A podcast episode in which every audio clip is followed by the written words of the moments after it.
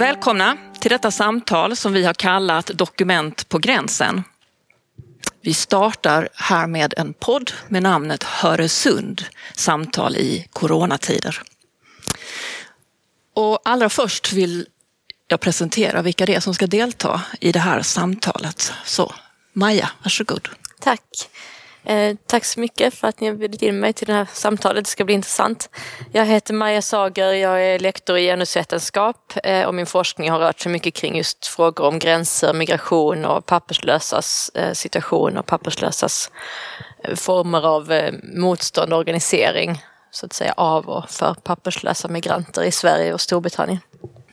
Och jag heter Mia Krokstade och jag är koordinator för Centrum för Öresundsstudier och jag tror att jag har varit det i sex år nu så någonting har jag kommit med. Mm. Och jag heter Johanna Rivano Ekedal och jag är föreståndare för detta Centrum för Öresundsstudier som då är arrangören för det här samtalet och därför vill jag börja med att berätta lite om vilka vi är. Eh, det är en nätverksplattform här vid Lunds universitet som har i uppdrag att på olika sätt skapa möten mellan forskare från olika discipliner, mellan forskare och aktörer utanför universitetet och även att nå ut med kunskap från universitetet till en intresserad allmänhet. Och intresset för, liksom fokuset för vad vi intresserar oss för vid den, vid den här centrumbildningen är gränsregioner och i synnerhet Öresundsregionen. Som då är en transnationell region, det vill säga att den rör sig över nationsgränser. Och det är då ett intressant område för att studera olika frågor som uppstår just på gränser och hur man kan se hur gränser kan vara både hinder och erbjuda möjligheter på olika sätt. Ehm, och det innebär att man kan ta upp frågor som rör migrationsmönster, miljö, klimatfrågor, politik, kulturarv, teknik med mera. Och den här podden som vi nu startar, Höresund, Eh, rör då frågor som aktualiserar frågor som väcks just i Öresundsregionen nu under den rådande pandemin. Det är det vi inledningsvis kommer att intressera oss för. Samtalet ingår ju också i Framtidsveckan vid Lunds universitet som är en vecka som ägnas specifikt åt att på olika sätt skapa möjligheter för att det som är kunskap som skapas inom universitetet ska nå utanför och erbjuda olika eh, svar på eh, frågor som är relevanta i samtiden. Och tema för årets framtidsvecka är krafter i rörelse. Och I slutet av 2019 så sattes en osynlig kraft i rörelse över världen. Det då nyupptäckta viruset sars coronavirus 2. Ett coronavirus som kan orsaka sjukdomen covid-19 eh, började då spridas över världen. Och den här pandemin har ju fått genomgripande konsekvenser för människors liv och hälsa. Och det gäller både själva sjukdomen men också åtgärder som har satts in för att hindra spridningen av den. Och bland annat så har den här coronapandemin inneburit en ökad intensitet i kontrollen av människors mobilitet och i samband med det också ett uppsving för nationella gränsers betydelse. Och här i Öresundsregionen så har de skilda förhållningssätten till viruset i Danmark respektive Sverige varit väldigt tydliga. Och de åtgärder som det offentliga satte in på båda sidor om sundet var och är inte alls samstämmiga. I mars i år, 2020, så valde Danmark att stänga sina gränser för andra än danska medborgare eller de som bor eller arbetar i Danmark eller har vad man sa särskilda skäl för inresa. Och det innebar att till exempel jag som är bofast i Skåne med ett svenskt pass plötsligt inte kunde passera över gränsen in i Danmark. Och det var en mycket märklig upplevelse. Att vägar som tidigare har varit självklara för mig att färdas på plötsligt var omöjliga att passera och ta sig fram på. Och på ett sätt så blev den här situationen ännu märkligare eftersom det just i år eh, är det år då Öresundsbron, alltså den förbindelse som är fast och inkluderar både en tunnel och en bro, eh, mellan Sverige och Danmark fyller 20 år och det var planerat att firas med pompa och ståt den 1 juli som är det datum då bron invigdes. Men Sen våren så har det på olika sätt varit olika typer av regler eh, för vem som får passera och de har ändrats många gånger vilket har inneburit att man har behövt hålla koll på vad som gäller just nu och kanske just de här timmarna om man tror sig vara någon som kan passera för att inte riskera att fastna i en kontroll och bli tillbakavisad. Och en kategori som med rätt dokumentation under sommaren 2020 hade rätt att passera gränsen var personer i ett stadigvarande kärleksförhållande. Och vad som erkänns vara ett sådant förhållande framkommer på en blankett som den danska polismyndigheten ställde samman. Och det är den här blanketten som vårt samtal tar sin utgångspunkt i. Och vi har det här upplägget för vårt samtal. Efter den här inledningen så kommer vi att berätta om den här blanketten och vad den faktiskt eh, tar fram som viktiga krav. Och efter det kommer vi att prata om kategoriseringar och deras konsekvenser. Och så följer exempel på upplevelser och reaktioner från människor som har råkat ut för de här kategoriseringarna under just den här pandemistängningen som blanketten innebar eller var en lösning på. Och efter det kommer Maja att prata om andra stängningar och kategoriseringar som drabbat eller drabbar människor vid gränser. Och så avslutar vi med att blicka framåt och fundera över vad vi kan dra för lärdomar framåt. Så nu börjar vi med blanketten. Ja, precis. Um, och blanketten heter ju då på danska Erkläring om kæresteforhold till brug för inrese. Och översatt till svenska blir det då intyg om kärleksförhållande för att, för att använda till, vid inresa. Och blanketten är framtagen så att du med din underskrift som dansk medborgare intygar att du under de senaste tre månaderna har varit kärste, det vill säga partner, flickvän, pojkvän, eh, med en person som önskar inresa. För båda parterna så ska då namn, adress, telefonnummer och födelsedatum eh, vara med för en svensk så kanske du tänker i det här läget, varför ska inte personnummer vara med? Och det är ju för att vi har skilda sätt att skriva personnummer i Sverige och Danmark. Så den danska medborgaren intygar att Vores kæresteforhold blandt andet består af fysiske møder og ikke alene skriftlig, telefonisk eller anden digital kommunikation, og at formålet med denne persons indrejse i Danmark er at besøge mig. Det vill säga, de intygar att vårt kärleksförhållande bland annat består av fysiska möten och inte endast av skriftlig, telefonisk eller annan digital kommunikation och att ändamålet för denna persons inresa till Danmark är att besöka mig. Vidare står det Jag är bekant med att denna erklaring avgives till brug för politiets sagsbehandling och avgörelse om inrejse och att upplysningarna här i således avgives under straffansvar jämför straffelovens paragraf 163. Översatt till svenska intygar då den danska medborgare som skriver under att jag är införstådd med att detta intyg ges för att användas i polisens ärendehantering och beslut om inresa och att upplysningar i det därför lämnas under straffansvar jämför strafflagens paragraf 163. Och den här blanketten tog alltså fram som en lösning på ett problem. För danska gränspolisen fick i uppdrag att släppa in personer som hade varit i vad som då skulle vara en halvårslång kärleksrelation med en dansk medborgare. Och då skulle de göra det genom att titta på sms, titta på bilder och läsa texter som skulle bevisa att det var en kärleksrelation och inte någon annan slags relation och att den också hade haft fysiska möten. Och av kanske rätt så uppenbara problem eh, med det här, det vill säga både att det skulle ta väldigt lång tid, att de stod och tittade igenom folks mobiltelefoner vid gränsen och att de själva sa att det var väldigt godtyckligt hur de skulle bedöma att den här bilden visade just att det var en kärleksrelation där man har fysiska möten. Eh, så klagade danska gränspolisen på det här förfarandet. Och den här blanketten blev då en lösning på det här, att istället för att stå med deras mobiltelefoner så skulle en dansk medborgare med sin underskrift bära bevisbördan för att det här är en tre månaders lång kärleksrelation med fysiska möten. Med de här ganska få orden ändå på blanketten så framträder ju en bild av vad man menar är en kärleksrelation. Alltså hur man kategoriserar en relation som just en kärleksrelation. Och för att få möjlighet att under den här perioden, under sommaren 2020, passera gränsen så krävdes det inte ett halvår som var det tidigare kravet, utan här var då kravet att det skulle vara en varaktighet om minst tre månader.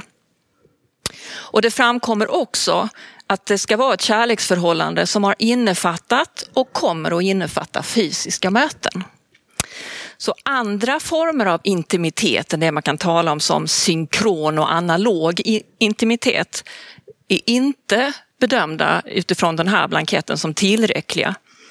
Och med tanke på att det är ganska lite text på den här blanketten så är det mycket utav den texten som upptas utav att specificera att det inte är tillräckligt med kommunikation av annat slag än just fysiska möten. Och det är väldigt intressant att då den här formen utav statlig kontroll i det här fallet är inriktad på att faktiskt säkerställa att det har varit fysisk kontakt och intimitet. För det skiljer sig åt hur man många gånger annars förespråkar intimitet och kärleksrelationer från statligt håll. Här ska det ha varit tydlig fysisk kontakt mellan de två eh, parterna i relationen. Först när man kan bevisa det eh, så sanktioneras relationen som legitim. Eh, och att den här käreste som inte är dansk medborgare kan tillåtas att passera gränsen för ett möte med sin partner som har danskt medborgarskap. Jeffrey Bauker och Susan Lee Starr analyserar i boken Sorting Things Out Classification and its Consequences just hur klassifikation får konsekvenser för människors liv och möjligheter. Det här är en bok som har fått väldigt stort genomslag, inte minst inom mitt ämne biblioteks och informationsvetenskap, där man ju arbetar med att på olika sätt kategorisera och klassificera. Och många gånger så uppfattar man det och förstår det som en väldigt neutral verksamhet. Men författarnas poäng är just att varje kategorisering innebär en exkludering en exkludering, ett uteslutande. Eftersom det alltid kommer att vara så att det finns sånt som inte passar in i de kategorier som man ställer upp. De menar också att klassificering är grundläggande för att verksamheten ska kunna fungera. Men att den alltid kommer att ha konsekvenser. Och dessa är då inte uppmärksammade tillräckligt, i tillräckligt hög grad. De skriver så här Ehm, i inledningen till boken. We have a moral and ethical agenda in our querying of these systems. Each standard and each category valorizes some point of view and silences another. This is not inherently a bad thing. Indeed, it is inescapable.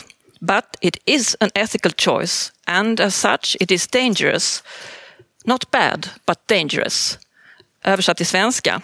Vi har en moralisk och etisk agenda när vi undersöker de här systemen. Varje standard och varje kategori premierar ett perspektiv och tystar ett annat. Detta är inte med nödvändighet något dåligt. Det är verkligen oundvikligt, men det är ett etiskt val och som sådant är det farligt, inte dåligt, men farligt. I boken har de en mängd olika system som de intresserar sig för och just lyfter fram hur det är så att klassifikationer faktiskt kan innebära konsekvenser för människors liv och också för liv överhuvudtaget. En etnolog, Fredrik Nilsson, tidigare verksam här i Lund och också vid Centrum för Öresundsstudier. Han har formulerat att gränser är någonting som man kan tala om som ett membran. Att det finns ett skikt, ett membran genom vilket en del tillåts passera medan annat hålls kvar. Och man kan förstå den här blanketten, där man, den här erkläringen om kärsteforhold, om jag ska pröva mig på en liten svengelsk dansk, som en del i det här membranet. Och att sådana här gränsmembran inte är eh, konstanta utan föränderliga visar ju också detta att den inte längre är i kraft. Vi vet inte om den kommer att träda i kraft igen. Det får vi ju se, men just nu så är den inte i kraft. Vi kommer då till de här exempel på upplevelser och erfarenhet som vi pratade om, eller som Johanna pratade om i början. Och eh, på Facebook så finns det en grupp som heter Bron Live. Den har ungefär 5300 medlemmar idag och den är för personer som pendlar över Öresund på något sätt. Och där diskuterar de ändringar, eller vi, jag är med i gruppen, eh, ändringar i eh, trafiken, gränskontroller, de diskuterar olika aspekter av pendlandet och det är många praktiska frågor. Så jag gjorde ett eh, inlägg i den här gruppen och frågade om det var någon som hade, jo jag beskrev ju naturligtvis vad vi skulle göra här idag så att de som har svarat på det här är fullt medvetna om att de har skrivit för vår skull. Um, och frågade dem om det finns någon som rest över under våren och sommaren på grund av en kärleksrelation och om de hade några tankar och eh, erfarenheter som de ville dela med sig av. Um, och jag kommer ju ta upp några av uh, de svaren idag och först kommer Johanna läsa ett av de längre svaren. Ja, det här är ett långt svar som vi kallar citat 1 från Bron Live. Att gå ifrån att nästan varje helg vara i Köpenhamn med min partner på ett år till att ej ens ha möjligheten att komma in i landet på tre månader kom definitivt som en chock. Kvällen då danska statsministern hade pressmöte om nedstängningen av gränsen kom som ett slag. När kommer jag träffa min pojkvän igen? Om en månad? Ett halvår? Flera år? Hur kommer Sverige agera? Kommer mitt förhållande klara denna turbulens? Jag minns bara att jag hade ont i bröstet i flera timmar och förmodligen hade fått min första lilla panikattack. Som tur var stängde Sverige aldrig gränsen mot Danmark så det slutade med att vi träffades cirka var tredje helg istället för varje helg. När de åter öppnade för gifta och sambos att komma in i landet så tänkte jag att kärestepar bara var några dagar bort. Men det tog någon månad istället om jag minns det rätt. Jag kände mig grovt besviken på deras agerande och att det tog så lång tid. Ett tag så trodde jag de var på väg att öppna Legoland innan de skulle öppna gränsen för kärestepar. Första gången jag fick åter åka över bron sen kärestepar kändes märkligt. Gränsen kändes otroligt fiktivt skapad. Och när tåget kom in på perrongen på Kastrup så kändes det, kändes det som man kom in som en flykting. Hela delen med att militären skulle styra allt gjorde det definitivt inte mer välkomnande. Jag behövde aldrig visa bildbevis eller sms för att verifiera mitt förhållande som tur var. Men jag var redo att visa de mest absurda bilderna bara för att irritera polisen. Nu känns allt rätt normalt som tur är, men mitt förtroende för dansk politik är något annat. Att som skåning vara besviken på styret i Stockholm känns nästan som vardagsmat, men att sen bli lika illa respekterad från Köpenhamn, det gjorde ondare än trott. När jag har gått igenom svaren, eh, både som har skickats som personliga meddelanden och som står som kommentarer under inlägget jag gjorde, så är det tre stråk jag har eh, hittat. Och det första och kanske det som är mest iögonfallande är ilskan. Det är många som är arga. De flera använder kraftuttryck eh, när de talar om blanketten och relationsfrågan. De skriver att det är ett löjligt litet utspel, att det är extremt, och att det är så jävla dumt. Och att vi framöver kommer att hänvisa till den här blanketten med orden Hur fan tänkte de då? Och det här är i linje med de reaktioner som syns i gruppen i stort när det gäller gränsstängningen, eh, stängningen, alltså inte bara i förhållande till den här blanketten. Folk är arga och det är en ilska som båda handlar om deras vardag, att de får längre pendlingstider, att de blir försenade och måste jobba hemma. Och också om deras frihet, att de inte längre har tillgång till andra sidan bron och att de har blivit fråntagna någonting. Um, och här kommer Johanna läsa nästa citat. Jag tyckte att det var så jävla dumt. Min partner skulle skriva under att jag fick komma in. Jag får komma in för att jag har ett förhållande. Men jag var också jätteglad att jag fick komma in för det funkade inte så bra att min partner kom till mig. Jag var nervös när jag gick igenom kontrollen att jag inte skulle få komma in även om jag hade blanketten. När jag kom in kände jag mig misstänkt, som att jag inte fick vara där egentligen. När jag var ute på stan med min partner ville jag inte prata svenska högt för jag kände mig inte välkommen. Jag tänkte att folk skulle höra mig och bara, nej, en smittad svensk. Jag hoppas att det inte blir så här igen. Det leder till andra spåret som jag har kallat att plötsligt vara svensk. För att fler personer skriver om det här att gå från, en från att vara en person som har tillgång till båda sidor av bron till att plötsligt vara svensk. En kategori som inte är välkommen. Och när deras gränsövergångar tidigare har varit mer eller mindre problemfria, vi känner alla till Öresundstågens pålitlighet, så blir de nu kategoriserade som icke välkomna. Och som den här personen skrev att den inte ville prata svenska högt för de inte kände sig välkomna. För att de så plötsligt var identifierade med den här kategorin. Och den tidigare citatet när personen skriver när tåget kom in på perrongen på Kastrup så kändes det som man kom in som en flykting. De har nu en så tydlig nationell tillhörighet. Den tillhörighet som tidigare kanske har skapat lite kulturkrockar på arbetsplatsen och många skatteproblem är nu avgörande för att de överhuvudtaget ska få komma in i Danmark. Här kommer citat nummer tre. Dokumentet var ju bara en pragmatisk lösning så de slapp för att lyfta dyna och kika fotoalbums igen för att se om folk nu också var kärster. Det vill säga, dokumentet var bara en pragmatisk lösning så att de slapp eh, lyfta täckena och titta i fotoalbum för att se om folk egentligen var tillsammans. Citat nummer fyra. Det är intressant i den meningen att det nog var det mest extrema utslaget av coronakontrollerna. Det och utspel från danska polisen att de skulle titta på bildbevis i telefonen att man var kärster som drogs tillbaka någon knapp vecka senare. Femte citat. Vad jag har hört från en polisanställd, så inte taget helt från luften men inte heller just från en gränspolistjänsteman, så var det aldrig någonsin någon som fick avslag på inresa på grund eftersom det ansågs omöjligt att definiera käresteförhåll och fortfarande var både politiskt korrekt och ömsesidigt diplomatisk. Till exempel godtar ju Sverige polygami och barnäktenskap. Det gör egentligen inte Danmark, men man kunde ju såklart inte säga nej när detta är registrerat som godkänt i svensk folkbokföring. Så jo, man skippade nog det löjliga lilla utspelet eftersom det helt enkelt inte går att definiera tillräckligt bra och därmed efterleva. Och mitt sista stråk eh, som jag upplever mig ha sett i svaren har jag kallat att gränsen blir personlig. För även om det här var en regel som hypotetiskt sett skulle gälla 10 miljoner svenskar så verkar den inte riktigt ha tagits emot på det sättet. För att personer skriver, som ni hört, att det gör ont att bli utestängda. De är besvikna och de är ledsna.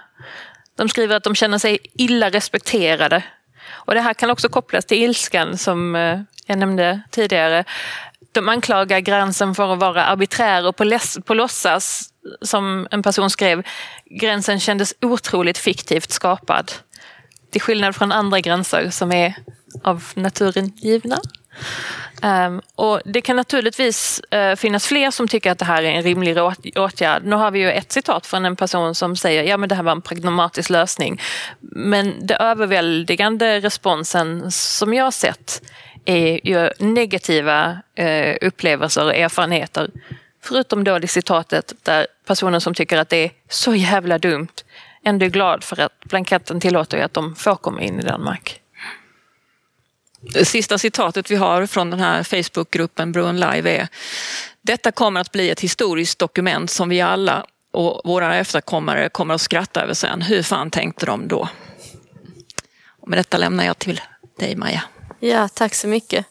Ja, precis som ni säger så ger ju den här perioden med covid-19 restriktioner en slags liten hint eller en glimt av en erfarenhet av att få sin rörelsefrihet begränsad. Och vi kan ju se hur påfrestande den här upplevelsen av godtycklighet och kategoriseringar som ni berättat om har varit för människor. Vad som väcks när ens rörelsefrihet begränsas och plötsligt organiseras efter andra variabler än, än vanligtvis. Och eh, med all respekt för att det är och har varit en svår tid för väldigt många eh, med familjer som separerats eh, och så vidare så tänker jag att dessa upplevelser, de här konsekvenserna och reaktionerna, precis som reaktionerna kring pendlingsbesvären som, som uppstod när gränskontrollerna infördes mellan Sverige och Danmark 2015. Att de här tillfällena skulle kunna bli tillfällen när vi kanske reflekterar lite mindre över hur störigt det blivit för relativt privilegierade personer ehm, och mer över vad den här lilla hinten eh, kan eh, lära oss om situationer för migranter från det globala syd till det globala nord. Ehm, som ju befinner sig i en migration som väldigt mycket präglas av alla de här eh, elementen av att känna sig ovälkommen, av upplevelser av godtycklighet, ständiga ändringar, att försöka följa med ändringar för vad som gäller och regler, eh, olika slags kategorier som basis för uppdelningar och, och sådär. Och också detta att få sin relation granskad nästan ända in i sovrummet, till exempel vad gäller hbtq-flyktingar. Men även andra familjerelationer och så. Eh, jag tyckte det var bra det här du pekade mot att många av de här citaten liksom kanske mer verkar gå i en väg som är att beskriva det här som en onaturlig begränsning och andra gränser som, som naturliga. Men kanske skulle det kunna bli en lärdom som istället tar oss i riktningen att börja liksom, eh, få syn på vad det är som pågår i många andra former av, av gränskontroll. Men, så jag skulle först vilja utvidga lite och prata om hur man i forskningen tänker kring gränser och det här med kategorisering och olika system för kategorisering vid gränserna som Johanna var inne på. Och sen vill jag återvända mer till den specifika frågan om gränsprocesser kopplade till intimitet och, och relationer. Um, så inom kritiska studier av migrationskontroll och gränser så är en central del detta att gränser förstås, just så som Johanna nämnde här, som mer av processer än eh, som absoluta linjer i marken. Dels på det sättet att gränsprocesser utspelar sig på en mängd andra platser än enbart den fysiska gränsen. Dels att det utspelar sig på en mängd olika sätt. Eh, och platser handlar ju om, alltså när en person behöver visa sitt pass eller lämna in den här blanketten så är det ju vid en ganska direkt relation vid gräns, till gränsen, vid själva liksom kors, gräns, korsandet av gränsen. Men när en söker visum till exempel så är det också en del av en gränsprocess som, som sker och utspelar sig långt bortanför territoriet. Visumkrav är faktiskt en av grunderna i bygget av den migrationsregim som vi har idag, det första stoppet så att säga för säkra resor in i Europa. Eh, när man söker uppehållstillstånd eller försöker få tillgång till vård och välfärdsresurser inne i Europa eh, är det också former av, av gränser som man upplever och måste förhålla sig till. Eh, när någon, vare sig den är en medborgare eller icke-medborgare, blir kollad i en så kallad inre utlänningskontroll så är det också en form av gräns. Och det är också ett tillfälle när vi, som visar att, det är en rör, att gränsen också är en rörlig sak i förhållande till vem som behöver visa sin identitet. Alltså att Eh, när någon som är medborgare men som rasifieras blir tvungen att visa sina, sin dokumentation och visa sin tillhörighet så har den också tvingats leva liksom närmare gränsen än vad kanske vita medborgare eh, behöver göra. Den har behövt bevisa sin rätt, förklara sig, förklara vem den är. Och gränsprocesser kan då vara byråkratiska, juridiska, tekniska, militära, fysiska eh, och också diskursiva och symboliska. De blir en del av berättelsen om världen. Om berättelsen om människor som är kvar där de alltid varit och de som är i rörelse. Och de pekar också på att det är vissa människors rörlighet som ses som problematisk, absolut inte allas.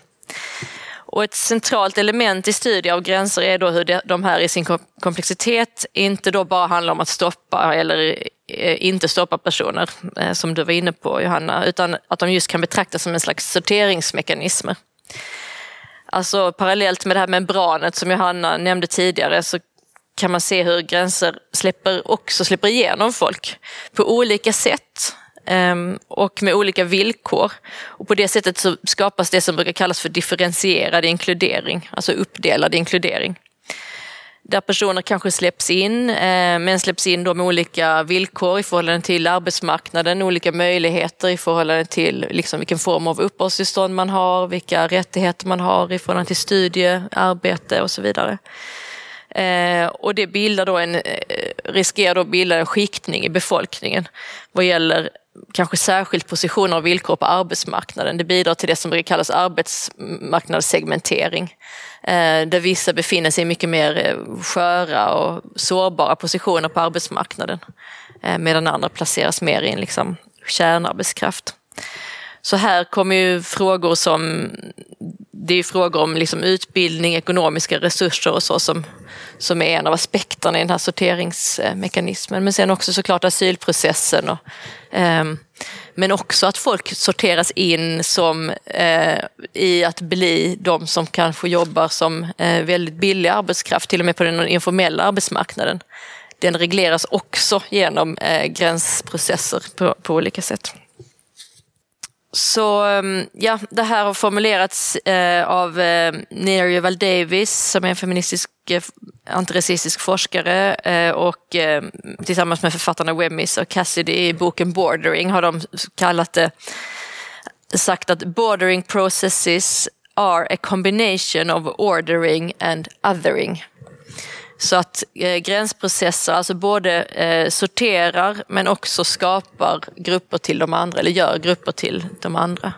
Så det är både sorterande och andragörande och det tycker jag är en viktig aspekt att gränspolitiken i sig också, förutom det den gör liksom med människor, eh, människors mobilitet och villkor eh, efter migration, eh, så är den också i sig ett språk. Att oavsett hur många till exempel öppna hjärtan politiker pratar om så fortsätter de här strukturerna, systemen, blanketterna, förvaren och pågående deportationer att tala ett annat språk. Ett språk som, som faktiskt benämner migranter som något hotfullt som ska kontrolleras.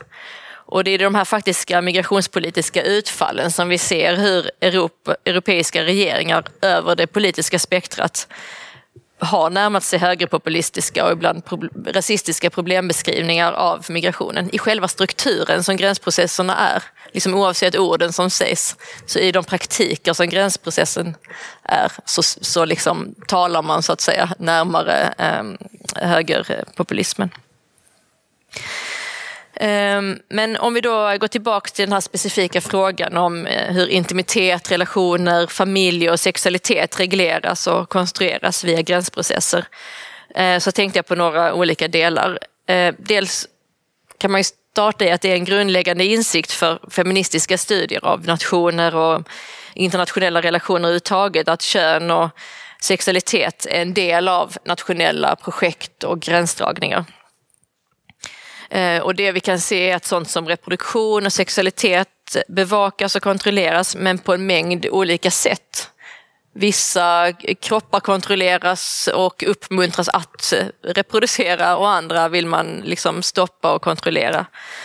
Ehm, så att ehm, regleringen sker eh, av framförallt eh, kvinnor som överhuvudtaget reproduktiva eh, kroppar Eh, men på en mängd olika sätt i förhållande till frågor om rasism och etnisk tillhörighet, eh, klass eh, och så vidare.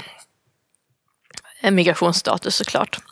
Eh, men så om vi då går tillbaka till det här dokumentet, så trots att vi ju som ni har pekat på kan se en massa normer i det här dokumentet kring vad en relation är och ska vara Eh, för att liksom räknas, för att vara värd så mycket att man kan få ett undantag för coronanedstängningen. Ehm, och såklart också normen kring att det just är medborgare som har den här möjligheten att få undantaget. Vad det nu egentligen har att göra med om man har bestämt sig för att värdera en, eh, en, en kärleksrelation. Men trots de aspekterna så finns det ju också en viss vilja till en icke-normativ ingång genom att inte benämna kön, sexualitet och så.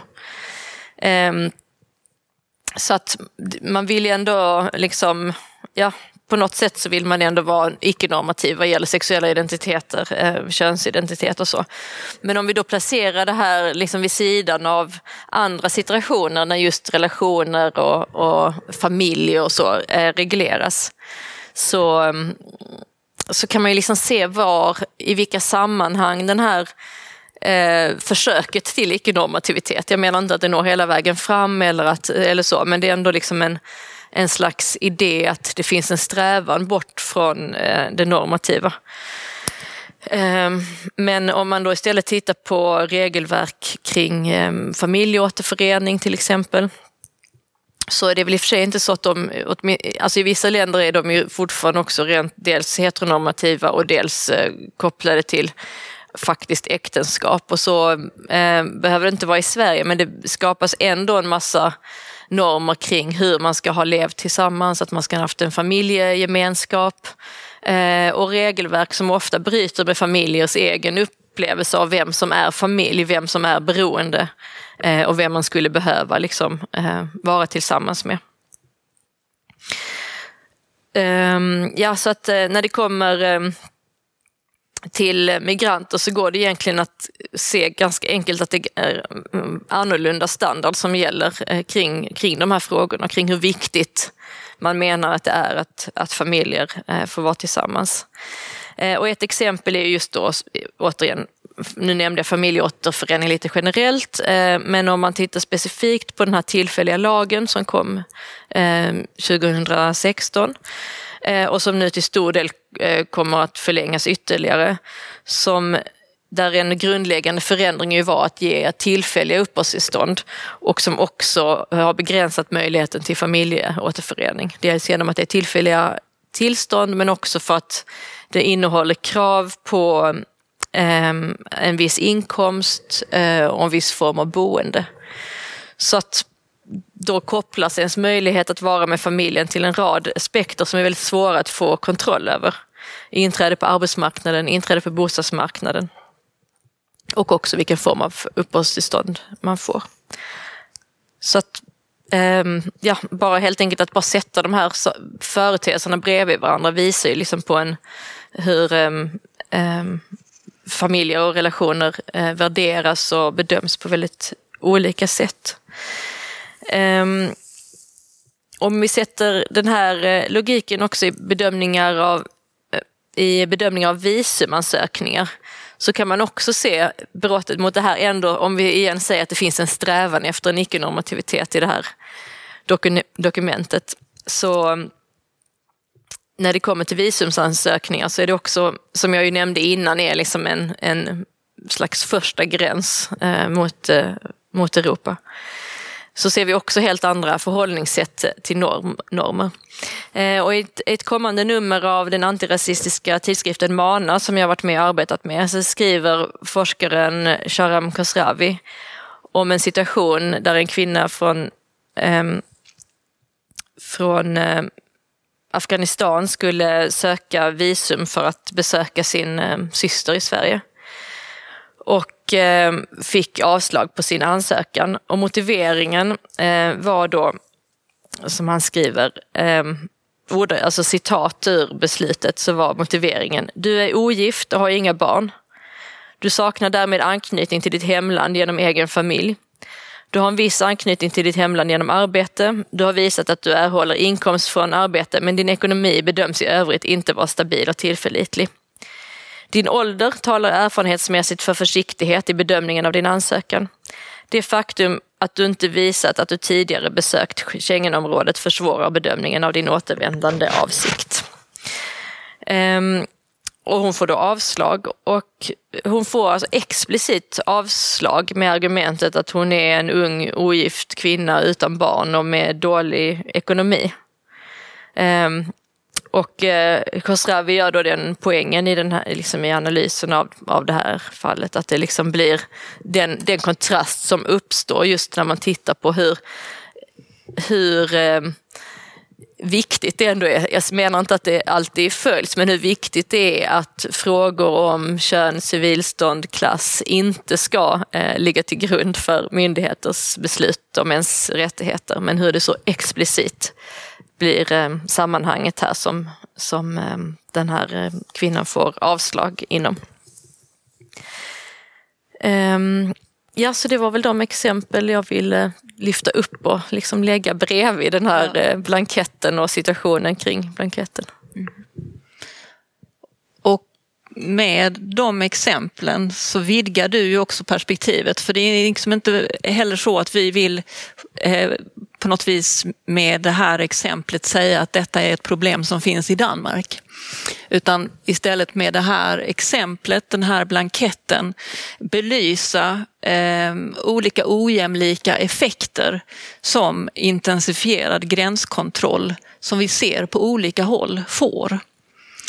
Och så här avslutningsvis så vill vi då ringa in eh, och fråga oss vilka lärdomar som vi kan dra för framtiden utifrån den blixtbelysning av gränsen som vi har fått under coronapandemin. Och då inte just att det är den dansk-svenska gränsen utan gränser överhuvudtaget. Kommer den här krisen innebära en skjuts framåt för inkluderande initiativ? Eller kommer fler skiljelinjer att dras upp för vilka liv som är välkomna? Och vilka grupper är det som skulle behöva inkluderas för att det skulle bli en gräns som var human och ger uttryck för ett solidariskt förhållningssätt till människor? Jag vet inte om ni har någon kort kommentar kring detta, de här frågorna, eller om jag ska runda av.